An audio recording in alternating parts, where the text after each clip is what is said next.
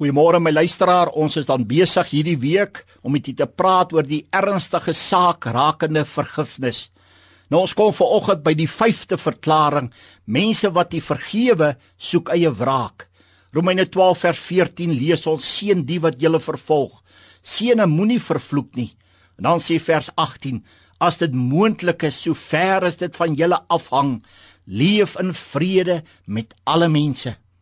Vers 19 sê moenie julle wreek nie geliefdes, maar gee plek vir die toren, want daar is geskrywe aan my kom die wraak toe. Ek sal vergeld, spreek die Here. O luisteraar, hoor jy wat sê God vanmôre? Mense wat nie vergewe, soek eie wraak. Ons sêste verklaring: As ons nie vergewe nie, is ons ongeskik vir aanbidding. In Matteus 5 vers 23 24 lees ons as jy dan jou gawe aan die altaar bring en dit jou daar byval dat jou broeder iets teen jou het laat jou gawe daar voor die altaar bly en gaan versoen jou eers met jou broeder en kom dan en bring jou gawe. My luisteraar as ons nie vergewe nie is ons ongeskik vir aanbidding. Daarom moet ons vergewe. Die sewende verklaring vergifnis moet gegee word al word dit daarom gevra nie. Nou Kolossense 3 vers 13 staan: Verdra mekaar en vergewe mekaar as jy een teen die ander klag het, soos Christus julle vergewe het, so moet julle ook doen. Markus 11:25 sê: En wanneer julle staan en bid, vergeef as julle iets teen iemand het, sodat julle Vader wat in die hemele is, ook julle oortredinge mag vergewe.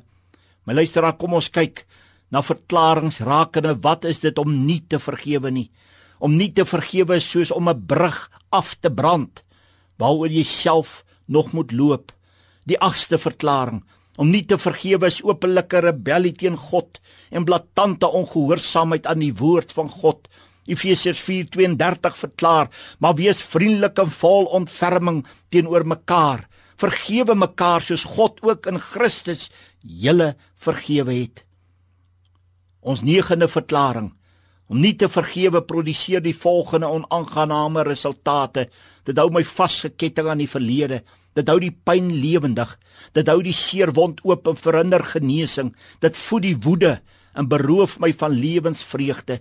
Luisteraars, daarom mag ek en jy nooit met onvergewingsgesindheid loop nie. Jesus Christus wil hê dat ek en jy vry moet wees, ja verlos moet wees, ja met blydskap moet sit. Ja dat ons met ware vrede teenoor God en mense sal lewe sover dit moontlik is. Kom ons vergewe vanmôre, so sy roepstem na ons is. Amen.